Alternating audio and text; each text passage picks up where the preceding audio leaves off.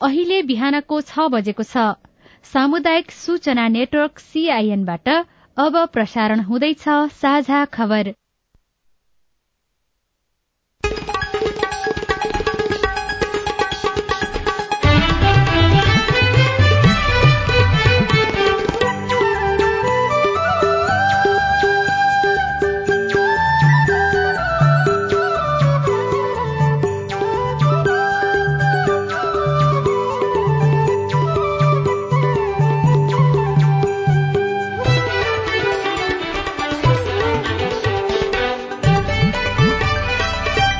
शुभ प्रभात। यो सीआईएनको साझा खबर हो। उषा तामाङसँगै सजना तिमल सिन्हाको तपाईँलाई स्वागत छ। सामुदायिक रेडियोबाट देशैभरि एकैसाथ प्रसारण भइरहेको साझा खबर सीआईएन खबर डट कम र मोबाइल एप सीआईएनबाट पनि सुन्न सकिन्छ। आज दुई हजार उनासी साल पुस तेह्र गते बुधबार डिसेम्बर अठाइस तारीक सन् दुई हजार बाइस नेपाल सम्मत एघार सय त्रिचालिस पौष शुक्ल पक्षको षष्ठी तिथि। साझा खबरमा प्रमुख खबरका शीर्षकहरू। पुस पच्चीस गतेलाई संसद बैठक आह्वान। राष्ट्रपति र उपराष्ट्रपतिको चुनावको तयारीमा निर्वाचन आयोग। संसदीय समितिको निर्देशन विपरीत मन्त्री परिषद विस्तार गर्ने तयारी। कार्यविधि विपरीत खटिएका सुरक्षाकर्मी अडचालिस घण्टाभित्र फिर्ता गराउन गृह मन्त्रालयको निर्देशन। सत्ता गुमाएपछि कांग्रेस सभापति देउवा रक्षात्मक इतर समूह आक्रमक। अर्थतन्त्र सुधार सरकारको पहिलो प्राथमिकतामा। केरूङ काठमाण्डु रेलमार्ग अध्ययन गर्न चिनिया टोली काठमाण्डुमा भारतले थप दुईवटा आयोजनाको विद्युत किन्ने सुर्खेतको चौकुने स्वास्थ्य चौकीमा सिटामोलको अभाव। चीनमा युवा बेरोजगारीको दर नयाँ उचाइमा अमेरिकामा कागजात बिना प्रवेश खोज्ने आप्रवासीहरूलाई निष्कासन गर्ने नीति लागू। रूसले आफ्नो देशको तेलको मूल्य निर्धारण गर्ने देश र कम्पनीलाई तेल बिक्री नगर्ने। र नेपाल टी ट्वेन्टी क्रिकेट प्रतियोगितामा आज दुई खेल हुँदै बीस वर्ष मुनिको राष्ट्रिय महिला टोलीका लागि एकचालिस खेलाड़ी छनौट।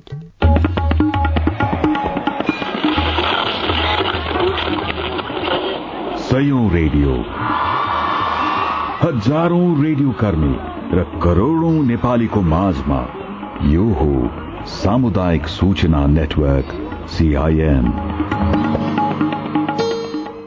साझा खबरको शुरूमा संसद अधिवेशन पुस पच्चीस गते आह्वान गरिएको प्रसंग। राष्ट्रपति विद्यादेवी भण्डारीले संघीय संसदको अधिवेशन पुस पच्चीसमा आह्वान गर्नुभएको छ। मन्त्री परिषदले सोमबार मिति सिफारिश गरेसँगै भण्डारीले पुस पच्चीस गते दिउँसो एक बजे बैठक बोलाउनु भएको हो।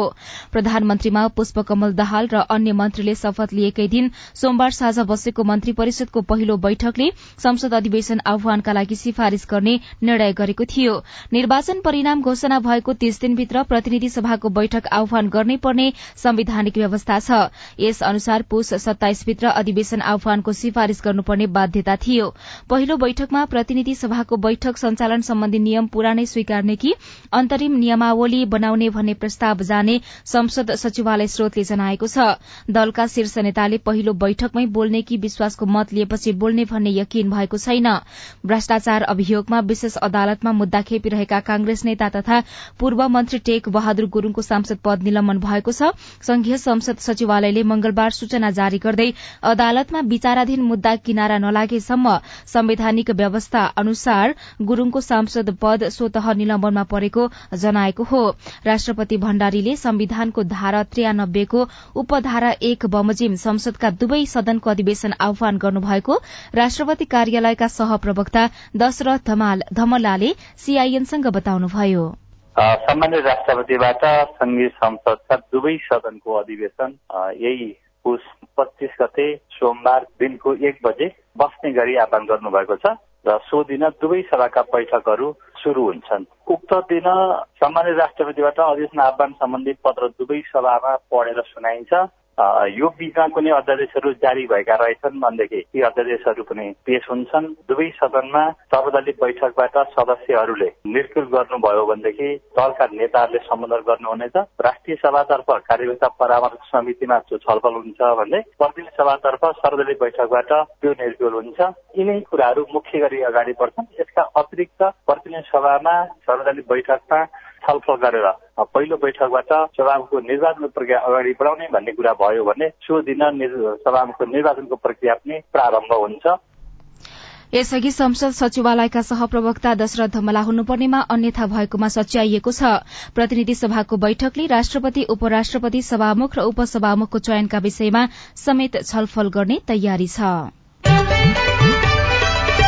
निर्वाचन आयोगले राष्ट्रपति र उपराष्ट्रपति निर्वाचनको तयारी शुरू गरेको छ। राष्ट्रपति तथा उपराष्ट्रपतिको निर्वाचन सम्बन्धी ऐन दुई हजार चौरात्तर बमोजिम राष्ट्रपतिको पदावधि सकिनुभन्दा कम्तीमा एक महिना अघि निर्वाचन हुने गरी निर्वाचनको मिति तोक्नुपर्ने भएकाले निर्वाचनका लागि आन्तरिक छलफल शुरू भएको आयोगले जनाएको छ। वर्तमान राष्ट्रपतिको कार्यकाल आउँदो फागुन उनातिसमा सकिने भएकाले आयोगले माघ अठाइस गते भित्र निर्वाचन गराउने तयारी गरेको आयोगका प्रवक्ता शालिग्राम शर्मा पौडेलले सीआईएनसँग बताउनुभयो। सम्मानित राष्ट्रपति र उपराष्ट्रपतिको पदावधि सकिनुभन्दा एक महिना अगाडि निर्वाचन गर्नुपर्ने कानूनी व्यवस्था छ। अब सोही कानूनी व्यवस्था बमोजिम निर्वाचन गर्नका लागि आयोगले आन्तरिक तयारीहरू गरिराखेको छ। अब धेरै ठुलो तयारीहरू पनि केही छैन। अब हामीसँग निर्वाचन सामग्रीहरू सबै छन्। अस्ति किनेका केही जगेडा छ। धेरै ठुलो निर्वाचन होइन। अब आयोगले यसको अन्तिमसम्ममा निर्वाचनको तयारी गर्छ। नेपालको संविधानको धारा सत्तरी बमोजिम राष्ट्रपति र उपराष्ट्रपतिमा फरक फरक लिंग वा समुदायबाट प्रतिनिधित्व हुनुपर्ने भएकाले फरक फरक मितिमा निर्वाचन हुनेछ। राष्ट्रपति र उपराष्ट्रपतिको लागि प्रतिनिधि सभा राष्ट्रिय सभा र प्रदेश सभाका सांसदले मतदान गर्नेछन्। संघीय सांसदको मधभार उना अस्सी र प्रदेशसभा सदस्यको मधभार अडचालिस हुनेछ। संघीय मन्त्रालय पन्ध्रवटामा सीमित गर्न संसदीय समितिले दिएको निर्देशन विपरीत सरकारले मन्त्री परिषद विस्तारको तयारी गरेको छ। अहिले प्रधानमन्त्री तथा मन्त्री परिषद कार्यालय सहित बाइसवटा मन्त्रालय रहेकोमा भागवण्ड मिलाउन संख्या अझै बढ़ाउन सत्तारूढ़ दलहरूले योजना बनाइरहेका छन्। राष्ट्रिय सभाले गठन गरेको संघीयता अध्ययन तथा अनुगमन संसदीय विशेष समितिले संघमा पन्ध्र र प्रदेशमा पाँचदेखि एघारवटासम्म मन्त्रालय व्यवस्था गर्न सिफारिश गरे अनुसार सरकारलाई गत कार्तिक सत्रमा निर्देशन दिइएको थियो। सरकारले दुई हजार अडचालिस यता गठन गरेको अध्ययन टोलीको प्रतिवेदन तथा संविधान जारी भइसकेपछि प्रदेश र स्थानीय तहमा हस्तान्तरण भएको अधिकारका आधारमा संघमा पन्ध्रवटा मात्रै मन्त्रालय आवश्यक पर्ने निचोडमा समिति पुगेको थियो। संविधानको धारा छयत्तरको नौमा मन्त्री परिषदमा राज्य मन्त्रीसहित बढ़ीमा पच्चीसजना हुन पाउने उल्लेख छ। प्रधानमन्त्रीमा पुष्पकमल दहाललाई सात दल र तीन स्वतन्त्र सांसदले समर्थन गरेका छन्। ती दलले दावी गरेको मन्त्रालय संख्या नै साढे दुई दर्जन छ भने स्वतन्त्र सांसद समेत मन्त्री बन्न खोजिरहेका छन्। उनीहरूबीच भाग मिलाउनु पर्ने भएकाले सत्तारूढ़ दल मन्त्रालय संख्या घटाउन नसक्ने अवस्थामा पुगेका हुन्। यसैबीच सरकारमा जान धेरैले आकांक्षा देखाएपछि सत्तारूढ़ दलहरूले मन्त्री चयनको मापदण्ड बनाउने भएका छन्। विगतमा अवसर नपाएका युवा र सकेसम्म प्रत्यक्ष निर्वाचितलाई मन्त्री बनाउने गरी मापदण्ड तयार गर्ने दलहरूले योजना बनाएका छन्। प्रत्यक्षमा एकपटक भन्दा बढ़ी निर्वाचित तर मन्त्री नभएकालाई सरकारमा पठाउने एमाले तयारी गरेको छ भने माओवादीले भौगोलिक जातीय र उमेर समूहको सन्तुलन मिलाउने तयारी गरेको छ। कार्य विपरीत खटिएका सुरक्षाकर्मी अड़चालिस घण्टाभित्र फिर्ता गराउन गृह मन्त्रालयले नेपाल प्रहरी र सशस्त्र प्रहरीलाई निर्देशन दिएको छ। चुनौती विश्लेषण नगरी हरेक दलका हरेक जसो नेताले पहुँचका आधारमा सुरक्षाकर्मी लिँदै आएका छन्। राज्य शक्ति र स्रोतको दुरूपयोग रोक्न विगतमा भएका प्रयास असफल भएकाले यसपालि के हुन्छ भन्नेमा धेरैको चासो छ। हचुवा निर्णयका आधारमा अनावश्यक सुरक्षाकर्मी लिने र रवाफ देखाउने प्रवृत्ति बढ़ेपछि दुई वर्ष अघि सरकारले बहालवाला तथा पूर्व विशिष्ट व्यक्तिको सुरक्षा सम्बन्धी कार्यविधि ल्याएको थियो। मापदण्ड भन्दा अधिक राखिएका सुरक्षाकर्मी फिर्ता भएपछि पूर्व राजा ज्ञानेन्द्र शाहदेखि माओवादी अध्यक्ष हालका प्रधानमन्त्री पुष्पकमल दाहाल प्रचण्डसम्मको सहयोगी मार्फत असन्तुष्टि देखाएका थिए। दाहालले त तत्कालीन प्रधानमन्त्री केपी शर्मा ओलीले आफूसँग राजनैतिक प्रतिशोध साध्न त्यस्तो कार्यविधि ल्याएको आरोप पनि लगाउनु भएको थियो। त्यति मात्र होइन उहाँले आफ्नो सुरक्षामा प्रकाश चन्द्र पाण्डेको नेतृत्वमा पूर्व लडाक लडाकु दस्ता नै परिचालन गर्नुभएको थियो। दाहालको सुरक्षामा नेपाल प्रहरीबाट डीएसपी सहित छब्बीस र सशस्त्रबाट इन्सपेक्टर सहित सत्ताइसजना सुरक्षाकर्मी खटिँदै आएकामा ओली सरकारले कार्यविधि अनुसार ओली सरकारले कार्यविधि अनुसार अठार जनामा सीमित गरिदिएको थियो। पूर्व प्रधानमन्त्रीका लागि सशस्त्र प्रहरीबाट सोह्र र नेपाल प्रहरीबाट दुईजना खटाउने मापदण्ड छ। ओली सरकारले कार्यविधि अनुसार दुई हजार सतहत्तर फागुनमा सुरक्षाकर्मी घटाइदिए पनि कांग्रेस सभापति शेरबहादुर देउबा प्रधानमन्त्री भएको पहिलो सातामै दुई हजार अठहत्तर साउनमा दाहालका लागि मापदण्ड भन्दा तीन गुणा बढ़ी पचपन्न सुरक्षाकर्मी खटाइएको थियो। कानून विपरीत उपलब्ध गराइएका अंगरक्षक चालक भान्से लगायतका सबै सुविधा अडचालिस घण्टाभित्र खोज्न उप प्रधानमन्त्री तथा गृहमन्त्री रवि लामिछानेले निर्देशन दिनुभएको हो।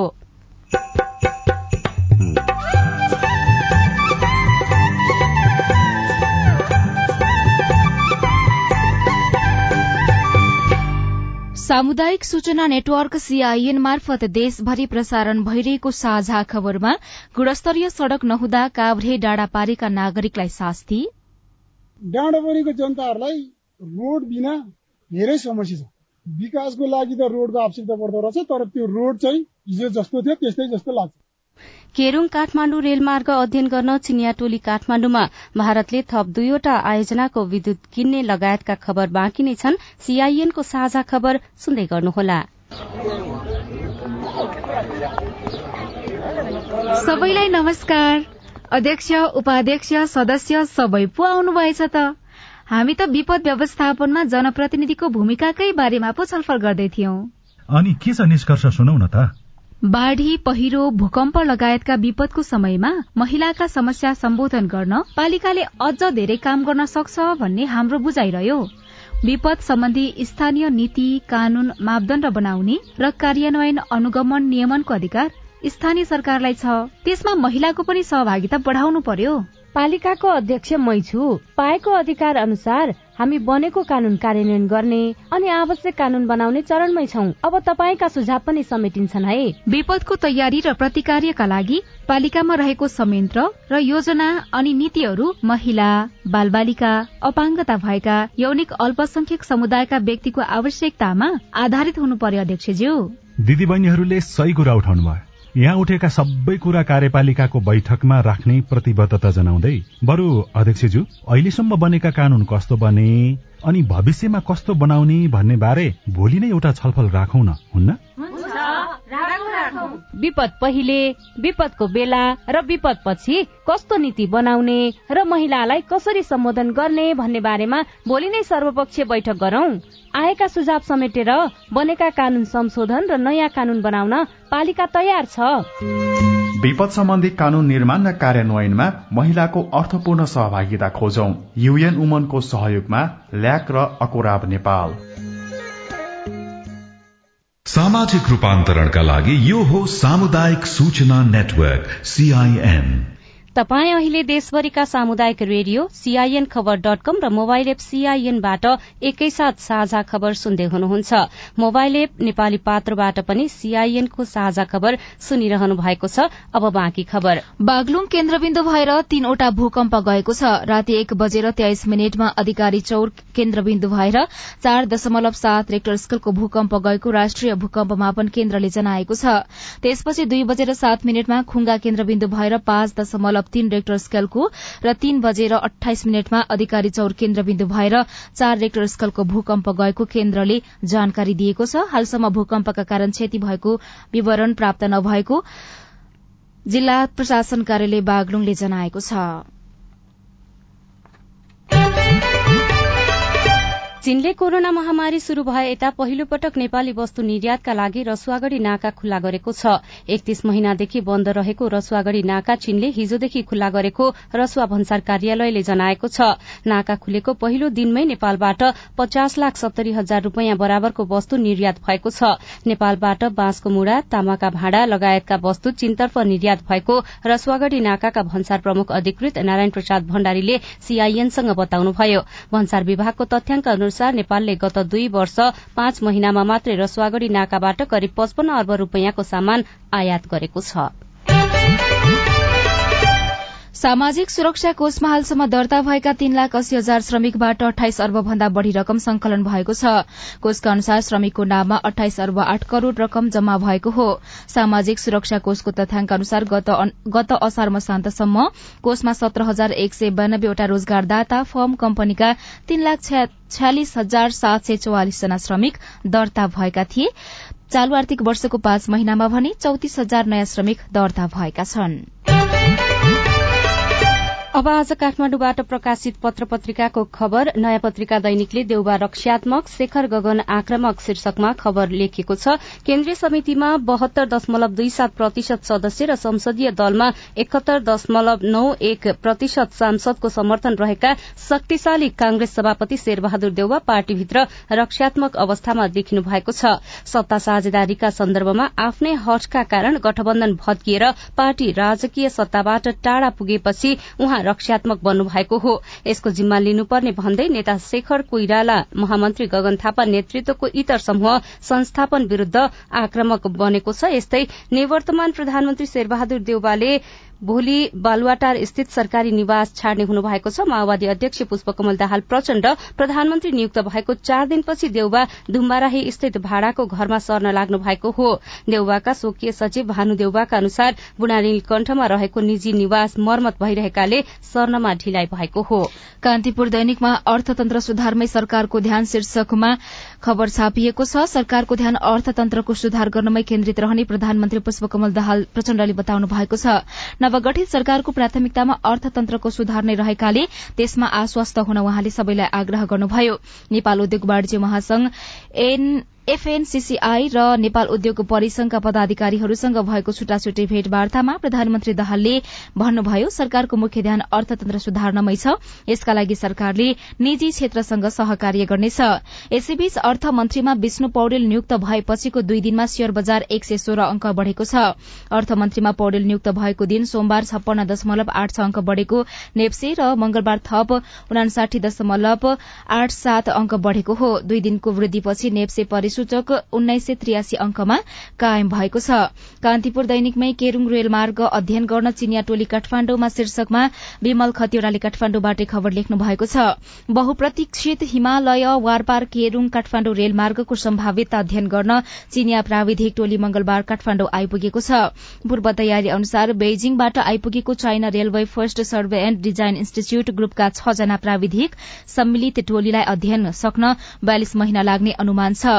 रेलमार्गको सम्भाव्यता अध्ययन पहिले नै गर्ने तयारी भए पनि कोविड महामारीका कारण अवरूद्ध भएको थियो। चिनिया प्राविधिक टोली आएकाले परियोजनाले अब गति लिने रेल विभागका महानिर्देशक रोहित कुमार विश्वरालले बताउनुभयो रेलमार्ग निर्माणको आर्थिक ढाँचाबारे टुंगो नलागे पनि सम्भाव्यता अध्ययनको सम्पूर्ण खर्च चीन सरकारले बेहोर्नेछ। सोही पृष्ठमा भारतले थप दुई आयोजना विद्युत किन्ने थप दुई आयोजनाको विद्युत किन्ने खबर छापिएको छ। नेपाल विद्युत प्राधिकरणले थप दुई आयोजनाको त्रिचालिस मेगावाट बराबर बिजुली भारतमा निर्यात गर्न अनुमति पाएको छ। भारतीय इनर्जी एक्सचेन्ज आईएक्सको डे अहेड बजारमा प्रतिस्पर्धा मार्फत थप बिजुली बेच्न प्राधिकरणले गरिरहेको प्रयास सफल भएसँगै वर्षायाममा निर्यात हुन सक्ने क्षमता चार सय बाहन्न मेगावाट पुगेको छ। प्राधिकरणले अहिले काबेली बी को चौविस दशमलव दुई पाँच मेगावाट र तल्लो मोदीको उन्नाइस दशमलव चार मेगावाट बिजुली भारतमा बेच्न स्वीकृति पाएको हो। अब नेपालले दश आयोजनाको कुल चार सय बाहन्न मेगावाट बिजुली भारतलाई बेच्न सक्नेछ। यस्तै गोर्खापत्र दैनिकमा स्वास्थ्य केन्द्रमा छैन सिटामोल शीर्षकमा सुर्खेतबाट खबर लेखिएको छ सरकारी स्वास्थ्य संस्थाबाट अन्ठाउन्न प्रकारका औषधि निशुल्क वितरण गर्ने नीतिगत व्यवस्था सरकारको छ। यद्यपि पश्चिम सुर्खेतको चौकुने गाउँपालिकाका स्वास्थ्य संस्थामा ज्वरोको औषधि समेत पाउन मुस्किल छ। चौकिने गाउँपालिका साथमा रहेको धामी डाँडा स्वास्थ्य सेवा केन्द्रमा सिटामोलको समेत सधैँ अभाव हुन्छ। केन्द्रका इन्चार्ज योगिता लामिछानेका अनुसार तीन चार महिनाको फरकमा एक पटक त्यही पनि न्यून मात्रामा औषधि आउँदा वितरणमा समेत समस्या हुने गरेको छ। अनि कारोबार दैनिकमा महिनामै दुई हजार कालो सूचीमा शीर्षकमा परिवर्तन देवकोटाले खबर लेख्नु भएको छ। पछिल्लो समय अर्थतन्त्रका गतिविधि सुस्ताएसँगै आयमा आएको गिरावटले लेनदेन र बन्द व्यापारमा अराजकता शुरू भएको छ। चालू आर्थिक वर्ष वर्षमा चेक बााउन्सको घटनामा भएको वृद्धिले लेनदेन र बन्द व्यापारमा अराजकता मौलाएको देखिएको हो। साझा खबरमा अब हेलो सीआईएन सुशीला श्रेष्ठबाट। मेरो नाम चाहिँ रमेश राणा म चाहिँ सिङ्गाड गाउँपालिका सुर्खेतबाट। विद्युतको समस्या अलि धेरै छ। टोल टोलमा चाहिँ विद्युतको लाइन मात्रै तारहरू मात्रै खिचिएको छ तर केन्द्रीय प्रसारण चाहिँ तल मटेलाबाट भन्ने छ तर त्यो मटेलाबाट माथि हाम्रो सिँगाटसम्म माथिको वाडासम्म आइपुगेको छैन। सो त्यही भएर चाहिँ अब यो कहिलेसम्म आइपुग्छ भनेर चाहिँ अब त्यसैको लागि चाहिँ सोधपुछ गर्नको लागि तपाईँको जिज्ञासा हामीले चिङ्गाड गाउँपालिका सुर्खेतका सूचना अधिकारी कृष्ण बहादुर थापालाई सोधेका छौं।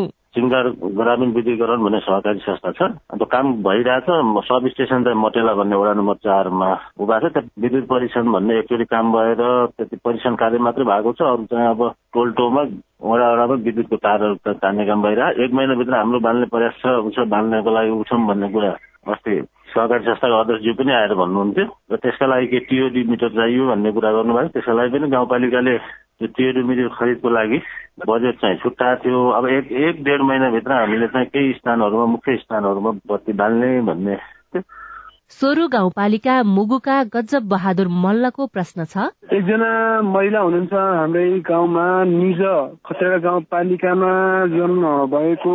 उहाँको नागरिकता अहिलेसम्म पनि नबनेकोले उहाँ अहिले अन्ठाउन्न उन्साठी वर्ष पुगिसक्नुभयो। उहाँको नागरिकता अहिलेसम्म पनि बनेको छैन। निजले नागरिकता पाउनको लागि के के प्रक्रिया अपनाउनु पर्ने हुन्छ? जवाफ दिँदै हुनुहुन्छ मुगुका प्रमुख जिल्लाधिकारी रोम बहादुर महत। नआउनुको कारण के हो? चाहिँ कारण त होला नि के तपाईँहरूको कार्यकरण पहिचान नभएर स्पष्ट भन्न सकिएन। तर नागरिकता उडाले सिफारिस गर्ने उडाध्यक्ष कहाँ जाने उडाध्यक्ष सिफारिस गरेर आयो भने जिल्ला प्रशासनमा पाँच मिनट आयो त भन्छ। नमस्कार मेरो नाम नरेश धामी मालिकार्जुन चार हुन्ना दार्चुलाबाट बोलिराखेको छौँ। नगर प्रहरी हुनुको लागि कतिदेखि कति वर्षको उमेर पुगेको हुनुपर्छ होला? जान्न पाए आभारी हुने थिए धन्यवाद नरेशजी नगर प्रहरी सेवा गठन तथा सञ्चालन ऐन दुई हजार सतहत्तरका अनुसार नगर प्रहरी पदका लागि अठार वर्ष पूरा भई चौविस वर्ष ननाघेको तर खुल्ला प्रतियोगितामा भाग लिने बहालवाला स्थायी नगर प्रहरीको हकमा पैंतिस वर्ष ननाघेको हुनुपर्ने व्यवस्था रहेको छ। तपाई जुनसुकै बेला हाम्रो टेलिफोन नम्बर शून्य एक बान्न साठी छ चार छमा फोन गरेर आफ्नो प्रश्न विचार गुनासो तथा प्रतिक्रिया रेकर्ड गर्न सक्नुहुन्छ। साझा खबरमा अब विदेशका खबर। बितेका आठ वर्ष हालसम्मकै सबैभन्दा गर्मी वर्षका रूपमा दरिएका छन्। वैश्विक मौसमको अवस्थिति हेर्ने संयुक्त राष्ट्र संघीय विश्व मौसम विज्ञान संगठनले सार्वजनिक गरेको प्रतिवेदन अनुसार हरित गृह ग्यासको बढ़दो मात्राका कारण बितेका आठ वर्ष हालसम्मकै रेकर्डमा सबैभन्दा बढ़ी गर्मीयुक्त वर्षहरू भएको देखाएको हो। अमेरिकाले मेक्सिको हुँदै सीमा पार गर्न खोज्ने आप्रवासीलाई रोक्ने नीति कार्यान्वयनमा ल्याउने भएको छ। त्यहाँको सर्वोच्च अदालतले हजारौं मानिसहरूलाई अमेरिका मेक्सिको सीमा पार गर्नबाट रोकेको पूर्व राष्ट्रपति डोनाल्ड ट्रम्पको विवादास्पद नीतिलाई कायम राख्न मतदान गरेको छ। रूसले आफ्नो देशको तेलको मूल्य निर्धारण गर्ने देश र कम्पनीलाई तेल बिक्री नगर्ने भएको छ। यस महिनाको शुरूमा पश्चिमा राष्ट्रहरूले सहमति गरेको मूल्य पालना गर्ने तेल बिक्री गर्ने देश तथा कम्पनीलाई तेल बिक्री नगर्ने निर्णय रूसी अधिकारीले गरेका हुन्। र चीनमा हाल सोह्रदेखि चौविस वर्ष उमेर समूहका करिब दुई करोड़ मानिस बेरोजगार रहेका चीनको आधिकारिक तथ्याङ्कमा आधारित राष्ट्रिय समाचार संस्था सीएनएनको अध्ययनले देखाएको छ। तथ्याङ्क अनुसार शहरी युवाको जनसंख्या दश करोड़ सत्तरी लाख रहेको छ। साझा खबरमा अब खेल खबर। नेपाल टी ट्वेन्टी क्रिकेट प्रतियोगितामा आज दुई खेल हुँदैछ। किर्तिपुर स्थित त्रिवी मैदानमा हुने पहिलो खेलमा फार वेस्ट युनाइटेड र लुम्बिनी अल स्टार बिहान नौ बजे खेल्नेछन्। दिउँसो एक बजे हुने दोस्रो खेलमा विराटनगर सुपर किङ्स र पोखरा एभेन्जर्स खेल्नेछन्। र अखिल नेपाल फुटबल संघ एन्फाले बीस वर्ष मुनिको राष्ट्रिय महिला टोलीका लागि खेलाड़ी छनौट गरेको छ। मुख्य प्रशिक्षक एम प्रसाद गुरूङले प्रारम्भिक चरणमा एकचालिस सदस्यीय टोली घोषणा गर्नुभएको हो। टोलीले ढाकामा सन् दुई हजार तेइसको फेब्रुअरी तीनदेखि नौसम्म हुने साफ बीस वर्ष मुनिको महिला च्याम्पियनशीपमा भाग लिनेछ। स्तरीय सड़क नबन्दा काभ्रे डाँडापारीका नागरिकलाई शास्ति रेडियो रिपोर्ट अरू खबर र कार्टुन पनि बाँकी नै छ। सीआईएनको साझा खबर सुन्दै गर्नुहोला। होइन के सुनेको यस्तो ध्यान दिएर दोहोरो बोलेको जस्तो नि देख्दिन। तीन दुई एक शून्य शून्य क्या? तीन दुई एक शून्य शून्य? के हो त्यो भने? बुझिन त। ल सुन एनटिसी प्रयोगकर्ताहरूले आफ्नो मोबाइल तथा ल्यान्डलाइनमा तीन दुई एक शून्य शून्य डायल गरी समाचार रेडियो कार्यक्रम खेल र अन्य विषयबारे सन्देशहरू जुनसुकै बेला निशुल्क सुन्न सक्छन्। ओहो निशुल्क? कस्तो सजिलो। समाचार सुन्न छुट्यो भनेर पिर लागेको थियो। अब त म पनि सुनिहाल्छु। कति रे? तिन दुई एक शून्य शून्य। सामाजिक रूपान्तरणका लागि यो हो सामुदायिक सूचना नेटवर्क सीआईएन साझा खबरमा अब स्तरीय सड़क नहुँदा नागरिकले भोग्नु परेको शास्तिको प्रसंग। नेपालमा पछिल्लो समय सड़क दुर्घटनाको ग्राफ बढ़दो अवस्थामा छ जसका थुप्रै कारण मध्येको एउटा हो गुणस्तरीय सड़क नहुनु। काभ्रेको विकट क्षेत्रमा पर्ने महाभारत गाउँपालिकाको केन्द्र पुग्ने गरी दुईवटा सड़कको ट्र्याक खोलिएको छ। तर निर्माण भएका सड़क समयमै स्तरोन्नति नहुँदा महाभारतका स्थानीय शास्ति झेल्न बाध्य छन्। दुर्घटनाको जोखिम पनि उत्तिकै छ। वर्षेनी करोड़ौं रकम विनियोजन हुने गरे पनि डाँडापारीका सड़क सवारी साधन चलाउन लायक छैनन्। हिउँदमा छ महिना मात्रै चल्ने सड़क पनि जोखिमपूर्ण हुँदा महाभारतका नागरिक शास्ति झेल्न बाध्य छन्। स्थानीय धनबहादुर बमजन। डाँडापारीको जनताहरूलाई रोड बिना धेरै समस्या छ। विकासको लागि त रोडको आवश्यकता पर्दो रहेछ तर त्यो रोड चाहिँ नेताहरू आउनुहुन्छ हेर्नुहुन्छ हामी अर्को साल त ठ्याक्कै बनाउँछु तुरुन्तै गरिसक्यो उहाँहरूको चाहिँ नजरमा चाहिँ पुरै विकास भइसक्यो तर जनताको अगाडि चाहिँ हिजो जस्तो थियो त्यस्तै जस्तो लाग्छ जोखिमपूर्ण सड़कका कारण महाभारतमा एम्बुलेन्स पुग्नै कठिन छ।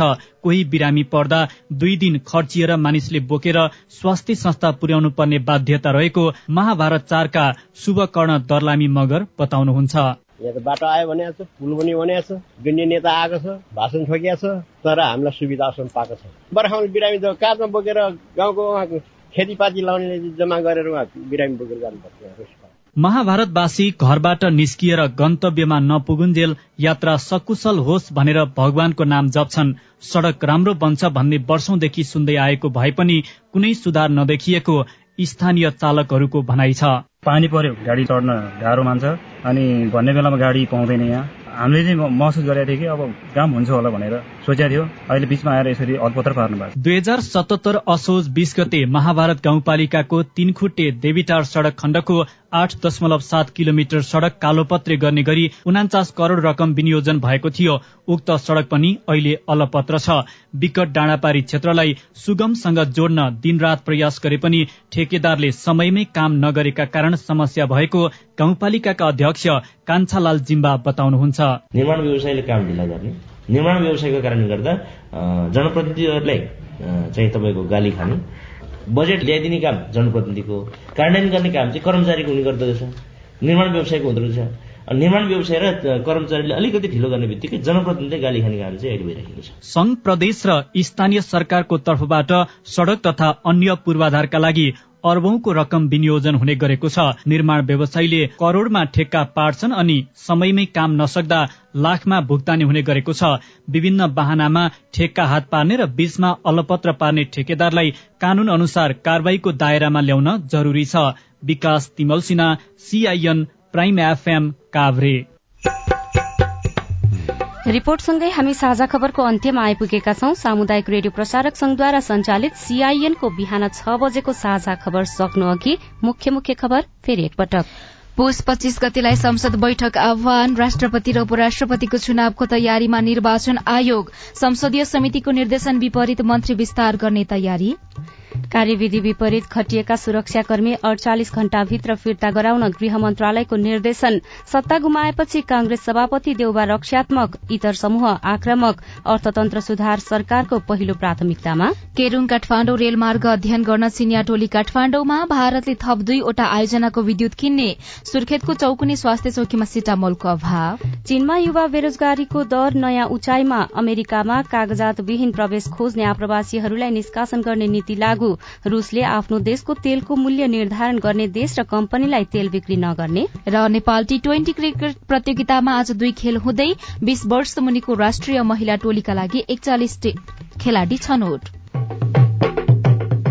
साझा खबरको अन्त्यमा कार्टुन। आज हामीले नागरिक दैनिकमा रवि सायमीले बनाउनु भएको यो पनि शीर्षकको कार्टुन लिएका छौं। कार्टुनमा एउटा ठूलो रूख छ रूखमुनि ज्योतिषी जस्ता देखिने व्यक्ति जसले हात हेर्छन्। उहाँ ज्योतिषी बसिरहेका छन्। वरिपरि मान्छेहरू त्यत्तिकै हिँडिरहेका छन्। अनि यो कार्टुन चाहिँ एकजना ज्योतिषी जसले कांग्रेस सभापति शेरबहादुर देउवालाई सात पटकसम्म प्रधानमन्त्री बन्ने योग छ भनेर बताएका थिए। उनैलाई व्यङ्ग्य गर्न खोजिएको छ तर यसपटक देउबाको आफ्नै हटका कारण कांग्रेसको नेतृत्वमा सरकार बन्न सकेन। त्यसपछि ज्योतिषी ज्योतिषीलाई लक्षित गर्दै विभिन्न टीका टिप्पणी पनि भइरहेका छन्। यहाँ ज्योतिषी एक्लै बसिरहेका छन् हात हेराउन कोही पनि आएका छैनन् अनि ज्योतिषी चाहिँ यसो भन्दैछन्। डुबाए देउबाजीले यता झिङ्गाले समेत पत्याउन छाडे। हवस् त प्राविधिक साथी सुनिल राज भारतलाई धन्यवाद। अहिलेलाई सजना तिमल सिन्हा र उषा तामाङ विदा भयौं।